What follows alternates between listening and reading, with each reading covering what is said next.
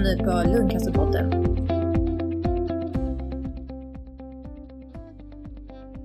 Hej och välkommen till Lungcancerpodden. Idag ska vi prata om något som de flesta med cancer har upplevt. Den stora, stora tröttheten som kallas fatig och är ett begrepp för den trötthet man kan få vid sjukdom. Till min hjälp för att reda ut vad fatig är har jag Karina Lund Hagelin som har lång och bred erfarenhet både av att jobba inom palliativ vård men också att forska om fatig. Hon har till och med doktorerat inom det här området. Nu är du lektor och studierektor på Ersta Sköndal högskola för institutionen för vårdvetenskap. Välkommen hit Karina. Tack så mycket Ragnhild. Det var en fin presentation. ja, jag tänkte du skulle berätta lite mer om dig själv och ditt arbete inom palliativ vård. Gärna. Jag är som du kanske nämnde, jag är sjuksköterska sedan många år tillbaka. Jag tror jag har jobbat i vården drygt 30 år eh, och som sjuksköterska den största delen. Jag är också specialistsjuksköterska inom onkologi så cancerområdet är verkligen något som alltid har intresserat mig otroligt mycket. Och i min specialistutbildning så har jag också en inriktning mot palliativ vård och det är där främst som jag har gjort min kliniska eh, gärning så att säga. Jag har jobbat också med och mött personer med eh, lungcancer. Eh, dels inom palliativ vård förstås, men jag har också deltagit i studier kring lungcancer och hur det kan vara från diagnos och upp till ett år efteråt där vi har studerat symptom och, och hur man mår och hur man har det. Jätteintressant Karina. Vi kommer att komma in på din forskning lite senare men nu ska vi alltså reda ut lite vad fatig är och eh, det betyder ju trötthet på franska. Och enligt en definition som det nationella vårdprogrammet för cancerrehabilitering gjort så är fatig en påfrestande, ihållande, subjektiv känsla av fysisk, psykisk, känslomässig och kognitiv trötthet eller utmattning som inte står i proportion till nyligen utförd aktivitet och som kan påverka det dagliga livet. Och fatig drabbar 70 till 100 procent av alla som får en cancersjukdom och behandling. Det påverkar alltså nästan alla som får cancer. Kan du förklara lite vad fatig beror på? Det kan ju bero på många saker. Ja, men det kan det verkligen göra och eh, vi kan väl säga så här fysiskt sett så så kan det ofta vara förstås själva eh, tumörsjukdomen, cancersjukdomen. Och man pratar i forskningen om idag att det handlar mycket om inflammatoriska processer som pågår. Men sen är det också förstås de olika behandlingarna som finns vid cancersjukdomar och sen också den situation som man ofta befinner sig i. Det kan vara oro, tankar på framtiden som gör att man påverkas. Så det är väl en av de mest, eller det är ganska olika saker ska jag vilja säga. Ja, det vävs liksom ihop alltihopa. Men eh, vilka behandlingar är det då som främst ger fatig? Dels så om man tänker sig en person som har fått en cancersjukdom så, så tänker vi kanske ofta cytostatika eller strålbehandling. Och det finns ju andra typer av, av behandlingar också men många personer genomgår också olika typer av kirurgiska ingrepp som kanske en, en första start eller någon gång under perioden och det ger i sig också fatig med sin vävnadsskada och så. Men sen har vi förstås eh, de här stora med cytostatikabehandling och strålbehandling, immunoterapi som ju också finns, som alla i sig ger fatig. Och fatig liknar ju också den trötthet man kan känna vid långvarig stress, den så kallade utmattningssyndromet. Är det egentligen samma sak? Ja, det är precis som du säger, de är väldigt lika i sitt eh, hur det ter sig om man säger. Men sen är det ju just också den här delen med att orsaken skiljer sig ju. Här i cancerrelaterad fatig så är det kopplat till cancersjukdomen och dess behandling. Inte det är klart att man kan också uppleva stress men vid, vid stresssyndrom och utmattningssyndrom så, så är det ju oftast den här långvariga stressen som man kanske har varit i. Så det är det som skiljer sig väldigt mycket åt, grundorsaken till det. Det handlar mycket om hjärnan och psyket vad jag förstår. Är det just hjärnan som tröttas ut vid cancersjukdom? Det är bra att du tar upp det. En del forskare menar att ja, det kommer centralt ifrån, det kommer ifrån hjärnan och så påverkar det resten av kroppen. Men andra menar också på att det, det är utifrån kroppen det kommer och sen går det in till till hjärnan så att det är mer perifert orsakat och att det kommer in till hjärnan. Och där är det inte riktigt klarlagt. Kanske är det också så att vi upplever den här tröttheten, fatig i hjärnan mer, alltså med sitt sätt att uttrycka sig. För vi är vana att vara trötta i kroppen. Så att därför så kopplar vi mer ihop det med att det är just hjärnan som är på, påverkad. Jag känner det väldigt påtagligt när jag har tröttat ut mig att det känns som hjärnan kokar. Det har jag inte känt förut, men det kommer nu i och med min cancerdiagnos när jag kör för hårt.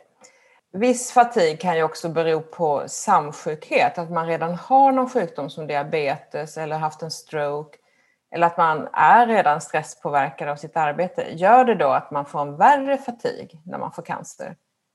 Jag tror inte att det, forskningen där är tydlig med att man får en värre fatig, men det kan ju också vara så. Dels så, så har man ju det med sig i, i, sin grund kanske att man har en fatigupplevelse. Fatig finns ju kopplat till andra sjukdomar också såklart. Men det kan ju också vara det att återhämtningen påverkas på ett annat sätt så att det på det sättet blir ytterligare eh, liksom en pålagring av trötthetsupplevelsen, fatigkänslan. Eh, och där ska jag också vilja nämna att till exempel hjärtsjukdom är ju något som också är väldigt förknippat med fatig. Och det är många som har viss, ja men man kan ha förmaksflimmer kanske eller man kan ha en viss liten hjärtsvikt men man, man har levt med den länge men det är klart att det kan påverka. Men som sagt jag tror att det handlar mycket om återhämtningen. Mm, vi ska komma in på det. Någon beskrev fatig som att man har en våt filt runt huvudet som inte går att ta bort. Och det finns ju många symptom hur fatig yttras. Kan du nämna några? Dels så är det ju den här som du känner våta filten och det, det är kanske det där som påverkar hela kroppen. Du har också nämnt att det känns som hjärnan kokar. Många känner ju också den här tröttheten i musklerna, att man inte orkar ta i, man känner sig inte så stark kanske som man brukar. Kanske inte alltid förknippar man det med, med fatig men att man är sjuk så att säga. Sen kan det ju vara koncentrationssvårigheter. Det kan vara väldigt tydligt med att man inte har, har, kan hålla en tråd när man läser till exempel. Man kan ju tänka sig att läsa skulle kunna vara någonting bra men, men man kan inte hålla tråden, man, man håller inte sammanhanget. Minskat intresse för saker som man kanske tidigare tyckt varit roliga att göra. Kan också ha att man inte tål ljus eller ljud eh, så bra. En annan sak som är viktig också tycker jag att nämna i det här sammanhanget är att man man kan lätt bli irriterad. Och det kan ju för, förstås vara ihop med att man inte känner att man orkar riktigt eller ja, att man inte får förståelse för sin situation. Men det kan ju vara sånt som också påverkar både en själv och omgivningen. Ja, och mycket av detta är ju samma symptom som vid en depression, tänker jag. Är det egentligen inte så att man är deprimerad, att det, man har fått cancer och man mår dåligt helt enkelt? Många kritiker tror jag skulle säga det. Eh, samtidigt så har forskningen visat att eh, personer som, för det är som du säger, symptomen är väldigt lika och eh, är man deprimerad så upplever man sig ofta väldigt trött. Men, men forskningen har visat att man behöver inte, trots att man har fatig så behöver man inte alltid vara deprimerad men det kan vara en orsak, en bidragande orsak också till att fatigupplevelsen är värre. Så det behöver man verkligen få diagnostiserat, få hjälp med att liksom utröna, är det faktiskt en depression det handlar om? Mm. Orken kan ju också variera över dagen och mellan dagarna när man har fatig. Så att det är svårt att planera när man kan göra saker och många upplever också att omgivningen inte förstår hur man kan vara pigg ena dagen och totalt utslagen nästa. Hur hanterar man det? Ja, det här är ju verkligen ett dilemma som du tar upp och eh, eh, jag tror att det är så att vi alla känner till hur det är att vara trötta i, i kroppen och vi är vana med det. Fatiga är någonting som är helt annat än den vanliga tröttheten och det är ju en sak som är väldigt viktig att förstå. Det gör kanske också att omgivningen inte riktigt kan förstå det här. Eh, man har inte riktigt den här kapaciteten som man kanske brukar. Därför blir det det här att man den ena dagen orkar man och nästa dag så orkar man inte. Ett sätt som, som jag tycker är viktigt och det är just att förstå eller att människor runt omkring får den här kunskapen också. Och där tror jag vården har en viktig del att bidra med. Det är också en sak som jag tänker i samtal med patienter med cancersjukdomar så har vi pratat om, ska man säga annat än fatig? För fatig är ett väldigt krångligt ord egentligen, vi vet ju inte riktigt vad det betyder. Men då har man också sagt att nej, men det ger mig en, en annan möjlighet att förklara att jag har någonting annat än att bara vara trött. Så det tycker jag är väldigt bra. Sen ett annat sätt kan vara att man noterar den här upplevelsen i en dagbok till exempel. Eh, för då kanske man själv kan se ett mönster att jo, men det är så här, det är förknippat med när jag har gjort mycket den ena dagen, då vet jag att jag blir trött, då kan man på förhand säga det kanske. Eller att man ser att på förmiddagarna så är jag lite piggare medan jag är tröttare på eftermiddagarna eller tvärtom. Så kanske man kan förbereda både sig själv och andra på det. Ja, jättebra tips för att man känner ju att man inte kan påverka det. Man blir bara stentrött plötsligt och känns som att det är helt eh, utan min eh, påverkan. Men eh, kan man förbereda sig så låter det ju jättebra ju. Det verkar också vara väldigt olika hur man upplever fatig och hur mycket fatig man får. Vad tror du det beror på? Ja, vi, vi tänker oss nog att vi ska vara lika varandra allihopa men, men i de här fallen så är vi ju inte det. Det är väldigt kopplat till den situation som man har varit med om, hur det är i, i dagsläget. Mycket kring behandling, vilken sjukdom man har och hur man klarar av att hantera situationen, vilket stöd man har till exempel från omgivning och så. Så att eh, det är svårt att jämföra sig, det är klart att man gör det men, men absolut är det så. Eh, och kopplat till behandling, har, man, man, får ju ofta sällan lika behandling så att säga utan det ser olika ut. Det verkar ju också vara kopplat till hur man, hur man mår psykiskt, att man får mer fatig om man mår sämre psykiskt. Så är det nog säkert och det kan ju nog säkert vara kopplat till att man mår man psykiskt dåligt så kanske man heller inte har den här orken att kunna ta sig för eller man är redan liksom nedsänkt i sitt, sitt tillstånd så därför så påverkar nog det ytterligare. Men hur länge håller det egentligen i sig? Är det till behandlingens slut eller kan det hålla på flera år? Börjar vi med det där sista så kanske det känns eh, inte så hoppfullt men, men eh, det är väldigt olika beroende på behandling. Och eh, tänker man sig om man har fått strålbehandling till exempel så, så ges ju det kanske varje dag under en koncentrerad tid och sen är behandlingen liksom avslutad och då kan återhämtningen påbörjas. Det är klart att det är uttröttande att åka till behandlingsavdelningen varje dag. Det kanske är långa resor och så. Medan cytostatika i sig, om man får det, så så har man, man kanske får sin, sin behandling och sen så har man en tid emellan, man hinner återhämta sig lite. Å andra sidan är den kanske behandlingen också längre utdragen eh, under en, en, längre tid. Eh, och här är det väldigt olika, eh, ska jag säga, vad, vad forskningen säger. En del och också kliniskt, när jag har pratat med patienter, en del säger att ja, men det går över efter några veckor och då pratar jag när man är under behandling så kanske du vet efter några veckor så kanske man får sin behandling igen. Eller också så efter avslutad behandling så kan det gå några veckor sen börjar man känna att kraften återkommer. För en del så tar det månader och forskning visar också att personer kan ha den här känslan att vara mer trött än normalbefolkningen i år, flera år efteråt. Det kan säkert vara kopplat till hur man eh, Liksom, ja men det kanske finns en gnagande oro hos en och sådär som kan påverka. Mm. Och speciellt om man då har en kronisk eh, cancersjukdom, då håller det i sig kanske hela livet. Ja. Mer eller mindre. Men vara. finns det någon behandling mot själva fatigen? Det gör ju inte det. Eh, inte någon, någon, bara en behandling, eh, inte någon, något läkemedel eller någonting sånt som man kan skriva ut utan det, det är många saker. Eftersom det också beror på väldigt många orsaker så finns det inte bara en sak som man kan behandla det med.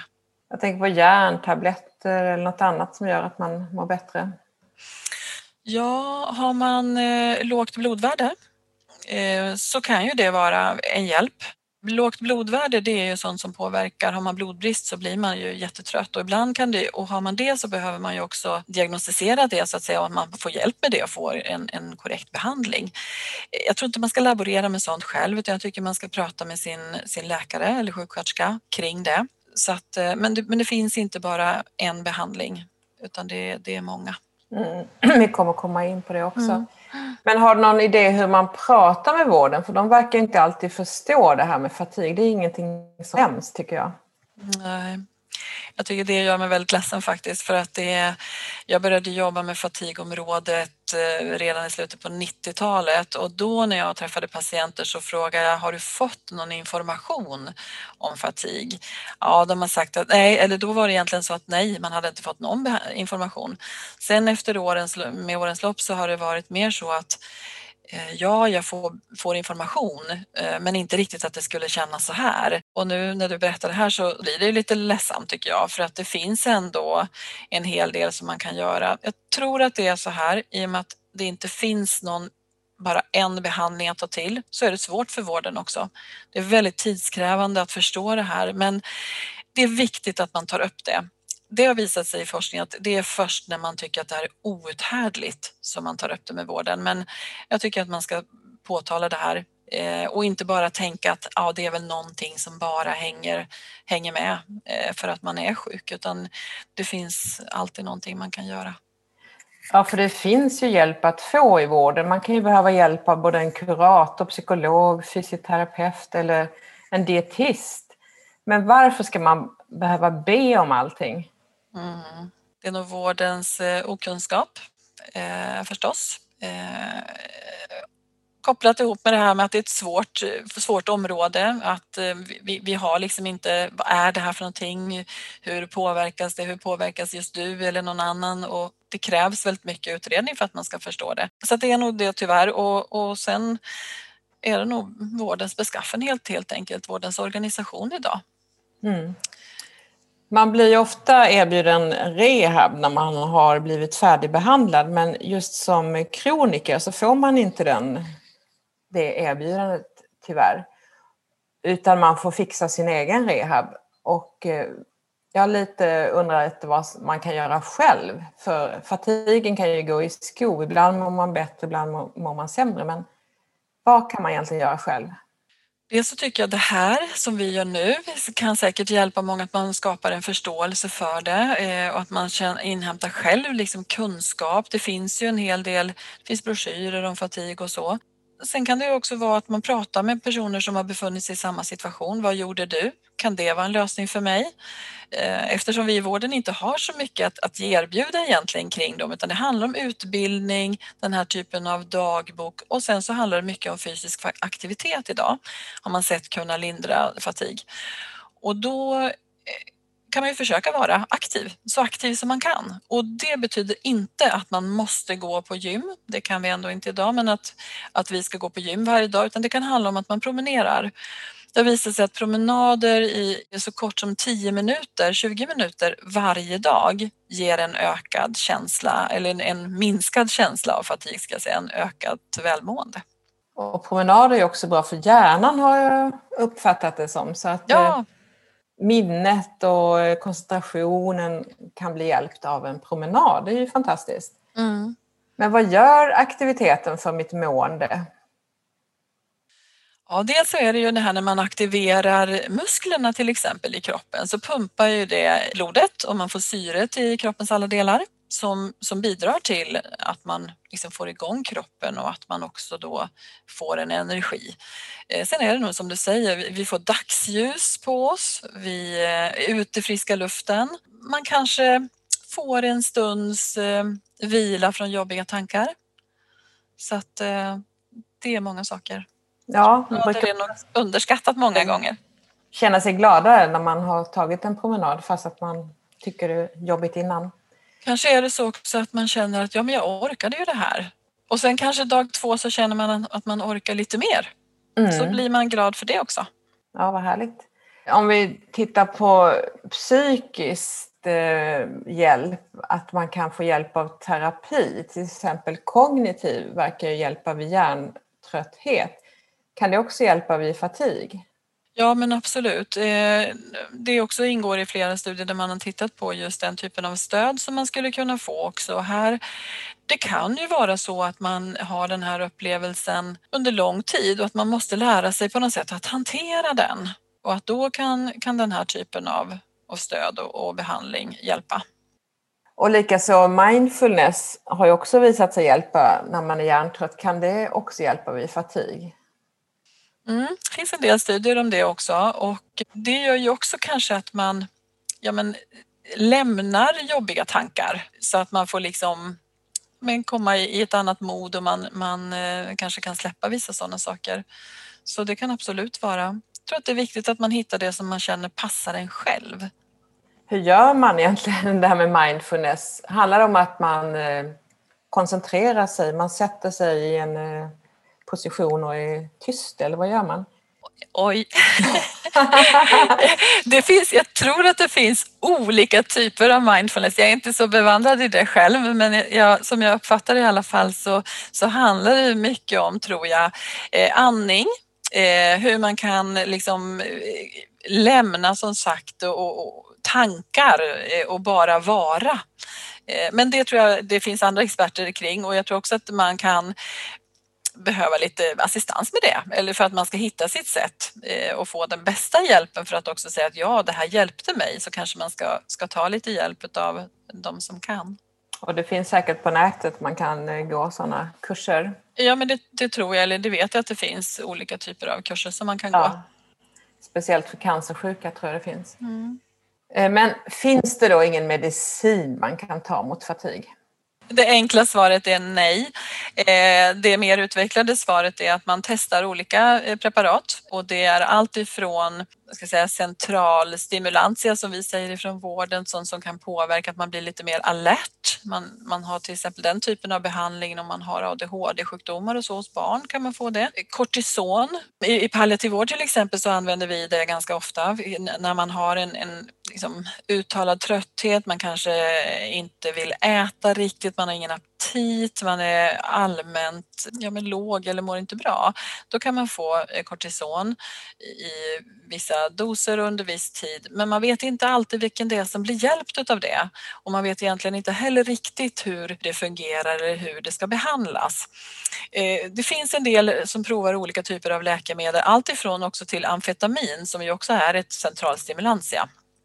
Men eh, det finns ingen enhällig eh, evidens och kunskap att så här ska man göra. Nej, och det är inget man ska experimentera med själv? Absolut inte. Nej. Det är det inte. Men däremot kosten kanske man kan eh, hjälpa till med om man äter mer nyttigt. Kan det vara hjälp tror du? Ja, det kan det väl vara. Jag tänker bara så här, det där som är nyttigt är väl inte alltid så gott. Ja, men jag tror, sen är det klart att man kan också tänka så här att äta stora stammiga måltider, då orkar man heller inte så mycket. Så det är klart att det ska vara en balans mellan det där, men jag tror att det är viktigt också, och framförallt när man har en cancersjukdom, att man, att man får i sig mat och näring och, och så, i, i balanserat. Så att det kanske också är det där som du säger, att det är den där hälsosamma kosten. Men, men man kan också man kan lite ju... mer man kan ju tappa aptiten när man är så här trött och håglös. Då kanske man får ja. ta hjälp av en dietist eller Precis, man kan behöva, det finns ju bra hjälpmedel att få också med energidrycker till exempel Precis. eller preparat som man kan eh, ha till kosten så att säga för att få mer energi och det, det är viktigt för det, det är ju så, äter man inte så får man ingen ork. Eh, och, och, när man inte riktigt har någon aptit så, så är det klart att då kanske det är så att man, man får heller inte i sig den energin som man behöver. Och att ha en, en cancersjukdom det tar väldigt mycket energi. Mm. Jo, det blir en ond cirkel till slut. Mm. Mm. Finns det andra knep man kan ta till när man är riktigt trött? Eller är det bara att gå och lägga sig? Man ska inte gå och lägga sig. ja, eh, jo, men man kan gå och lägga sig men man ska tänka på att kanske ta korta vilopauser. Inte eh, ligga, gå och lägga sig för då är, är man trött så kanske man blir liggande väldigt länge vilket sen påverkar nattsömnen, vilket gör att man blir trött, än mer trött på dagen. Så att här brukar man prata om att det ska vara balans mellan aktivitet och vila. Och korta vilopauser, man kanske går och lägger sig 20 minuter. Ställa gärna klockan så att man vaknar så att man inte somnar och sover en timme eller så. Utan korta vilopauser för det visar sig att då hämtas också hjärtat mer och det kan vara tillräckligt. Och sen balans med den där fysiska aktiviteten. Vad bra, vi fick reda på det. Man får inte sova bort några timmar. Forskning då är ett av dina områden och det finns ju inte så mycket forskning runt fatig. Varför är det så tror du? Den frågan intresserar mig väldigt länge, under många år som sagt som jag har hållit på och jag tycker mig på något sätt se att det går, det också går i skov. Vissa håller på intensivt ibland och sen så eh, kommer det andra saker som blir viktiga eh, och så forskar man på det för att få en, en större lärdom. Men jag tror också, det är också så här forskningsmässigt att det är svårt att att beforska vilket som hjälper mest, för det är så komplext. Det är flera olika saker som orsakar fatig och i studieform så kan man inte riktigt gå på dem alla samtidigt. För då kanske man ändå står där och inte riktigt vet vad var det som hjälpte. Men det finns också forskning, jag tror att det handlar mycket om också sen att vi ska också använda oss av den. Ja, vad handlar din forskning om? Ja, den forskning som jag gjorde under avhandlingsarbetet så var det just att försöka förstå det här eh, problemområdet. Vad, var, vad är fatig egentligen? På vilket sätt eh, ger det symptom hos den enskilda individen? Och där var det just det här som kom fram som du också berättade när du beskrev vad det var för någonting, att det är känslan som den enskilda individen upplever vi kan inte se som vårdpersonal på personer att de är trötta utan det är den här och det måste vi lära oss att förstå. Vi måste ha skattningsskalor för att kunna förstå det på ett tydligare sätt. Sen är jag också inne just nu i, i andra typer av projekt men och, och vi tar reda på hur patienter med olika cancersjukdomar mår och deras upplevelse av fatig och det är ganska eh, vanligt förekommande så där ligger mycket av min, min forskning att vilka drabbas och hur påverkar det kan man säga. Du har ju medverkat i flera forskningsrapporter och en visar att cancerpatienter med fatig ofta har D-vitaminbrist. Är det så att man kan boosta sig själv då och äta D-vitamin för att må bättre? Det här är verkligen en ny rapport som du har läst eh, och det är en, en ny studie som vi håller på med och där eh, vi försöker få reda på det här. Är det så att D-vitamin påverkar och eh, kan man ge behandling med D-vitamin och på vilken dos då? Eh, så att jag skulle säga att jag tror man ska, ska balansera det här med en, en normal, ett normalbruk. Här, nu har vi haft en lång vinter, det är klart att vi kanske har D-vitamin, eh, låga D-vitaminnivåer, men man ska heller inte överkonsumera saker utan jag tycker att man kan eh, försöka äta en, en bred kost, så allsidig kost som möjligt och inte börja boosta sig. Man kan samtala med sin läkare om det tror jag, om man behöver liksom särskilt stöd. Än så länge vet vi inte så mycket om det.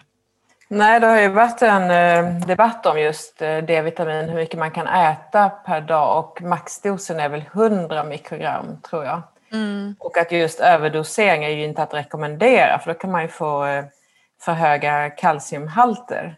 Mm. Men jag läste också att D-vitamin kan skydda mot svår covid. Så D-vitamin verkar ju vara lösning på allt om man säger. Eh, och att den kan skydda mot luftvägsinfektioner och även påverka immunförsvaret. Kan det vara så att det kan skydda mot cancer?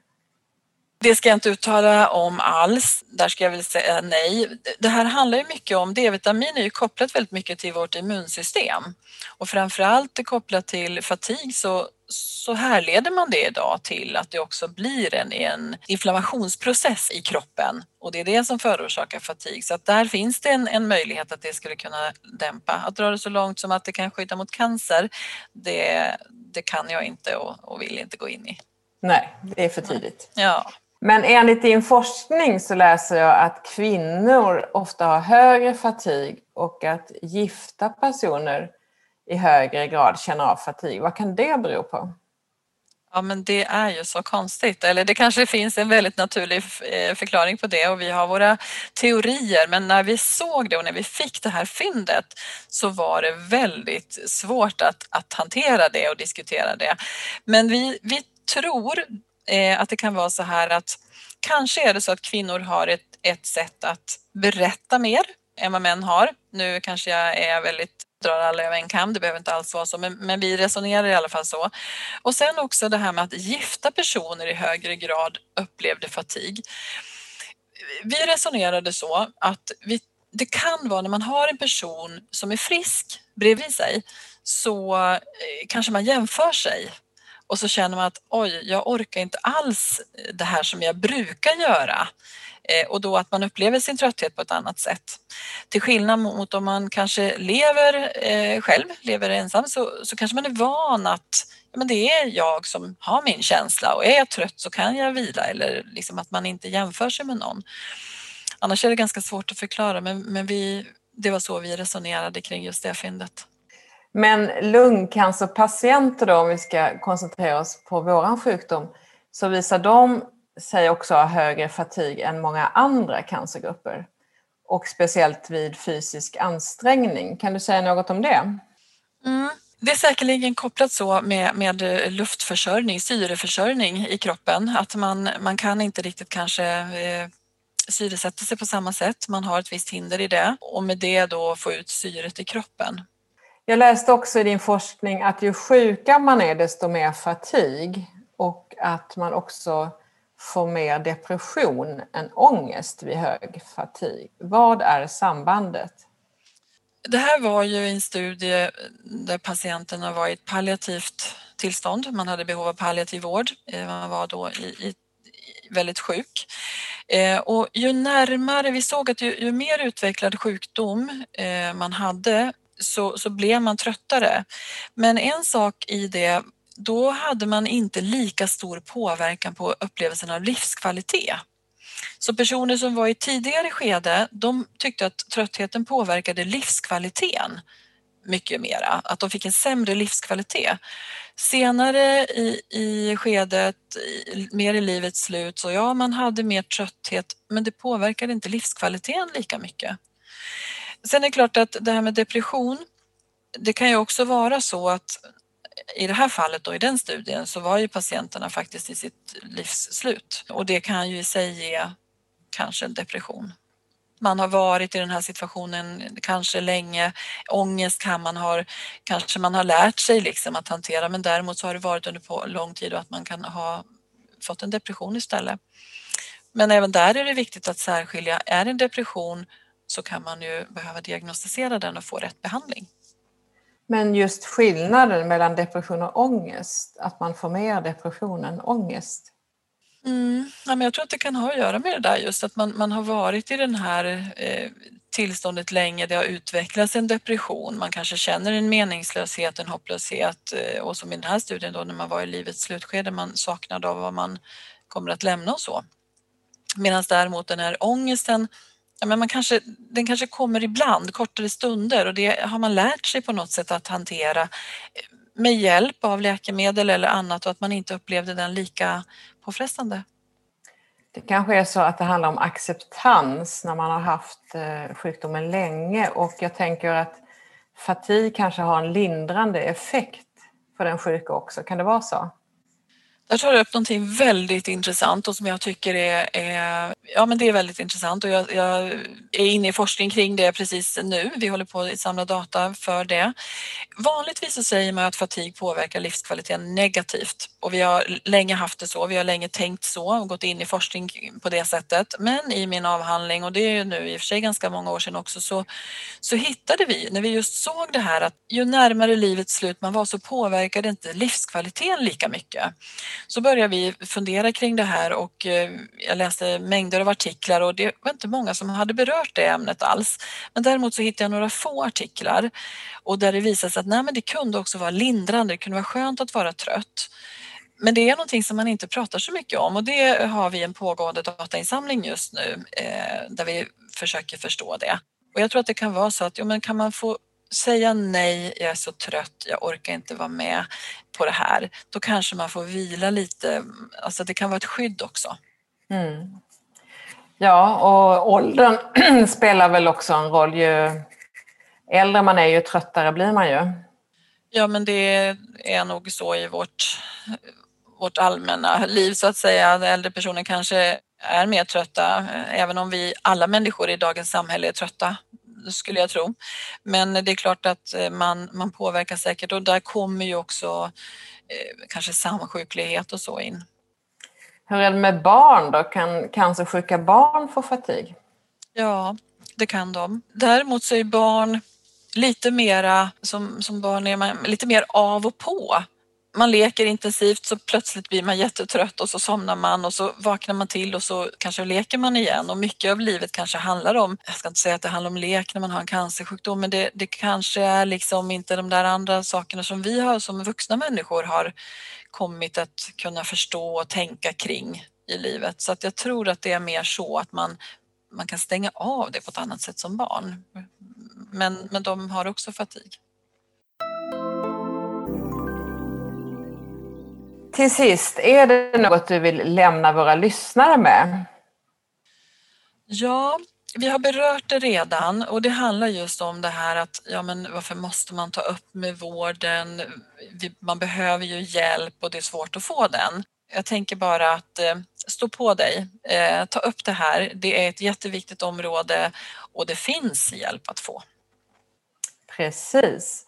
Stort tack Karina för att du har hjälpt oss att reda ut lite mer om fatig. Och jag önskar dig lycka till i din fortsatta forskning och ditt viktiga arbete. Och tack till er lyssnare som både har bidragit till frågorna och som har lyssnat på det här avsnittet. Ni får gärna kommentera på vår hemsida efteråt. Vi hörs längre fram. Hej då! Hej då Carina! Hej då, tack!